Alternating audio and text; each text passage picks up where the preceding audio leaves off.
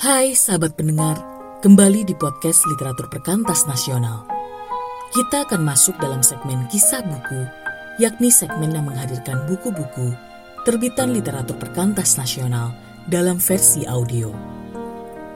Kayin akan membacakan kisah buku Bangkit Memandu Bangsa, Mendaratkan Kenasranian pada Hidup Berbangsa, karya Samuel Tumanggor, dengan judul pembahasan Kusedia Hati. Sahabat pendengar, selamat menikmati kisah buku ini. Ku sedia hati. Setelah menyelisik seluk-beluk persenian dalam pasal ini, satu pertanyaan yang merangsang angan berpendar di antara selaksa keindahan. Mengingat Allah adalah seniman agung, pencinta dan pelaku seni, Bisakah kita katakan Allah adalah seni? Dalam tarikan nafas yang sama dengan Allah adalah terang dan Allah adalah kasih? 1 Yohanes 1 ayat 5 dan pasal 4 ayat 8 dan ayat 16. Menurut saya bisa, sangat bisa. Mengapa? Karena terang, kasih, dan seni sama-sama melukiskan ciri atau tabiat dasar Allah yang bersifat mencurahi, memenuhi, dan melimpahi ciptaannya.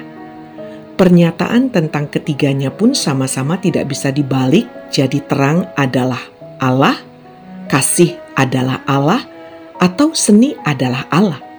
Sebab terang, kasih, dan seni memang bukan Allah. Pikiran macam itu telah dijiwai J.E. Tatengkeng tahun 1907 sampai 1968 pujangga Indonesia berdarah sangir yang merampai puisi-puisi menawan bagi Tuhannya dan bangsanya. Lewat bangku sekolah-sekolah Nasrani pada zamannya, ia berjumpa dengan aliran sastra Belanda Tech Tigers alias angkatan 80-an yang berjasa merempah-rempahi karyanya. Namun, karena berpikir mandiri dan menjunjung wawasan Alkitabiah, Tatengkeng menggesek pandangan pokok Tech Tigers seperti Jack Park yang mengerek seni ke tingkat segala-galanya. Kita tidak boleh menjadikan seni itu Allah, tulisnya di tahun 1935. Akan tetapi, sebaliknya, janganlah kita menjadikan seni itu alat semata-mata. Seni harus tinggal seni. Dengan kata lain, ia tidak menyetujui pikiran seni adalah Allah. Tatengkeng melakukan apa yang ditulisnya. Seni tidak dituhankannya dan tidak juga diperalatnya demi kepentingan atau kepuasan diri. Sebaliknya, ia mewujudkan seni harus tinggal seni dengan menaruhnya pada bingkai hukum kasih Allah untuk memuliakan Allah dan memberkati sesama dan bangsa. Hidup ini penuh dengan kebagusan, asal saja kasih datang memberi dengan bebasnya. Dibawanya lah kasih duniawi ke atas, dipandunya dengan cinta yang kekal, yakni cinta pada Tuhan. Betapa agung nada kesaksian itu.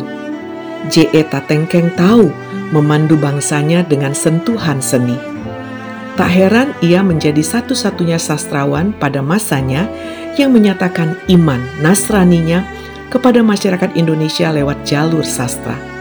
Sentuhannya yang sangat khas rasanya sulit dicari tandingannya pada masa kini. Pandu bangsa yang berbahagia, kita pun dapat berbuat serupa dengan mengerahkan kapasitas seni yang kita warisi dari Sang Bapa bangsa-bangsa. Kita dapat menyenangkan hatinya dan memegahkan bangsa miliknya dengan segala keindahan yang khas Indonesia, dari kasanah lama maupun baru. Kita dapat berpasrah kepada Allah supaya ia bebas memakai kita untuk membubuh sentuhan seninya kepada dunia demi kemuliaan namanya.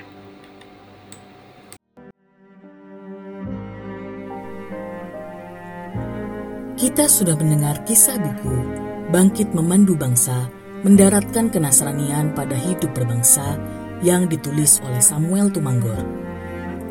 Pesan dan dapatkan buku ini melalui WhatsApp Literatur Perkantas Nasional. Terima kasih, God bless you.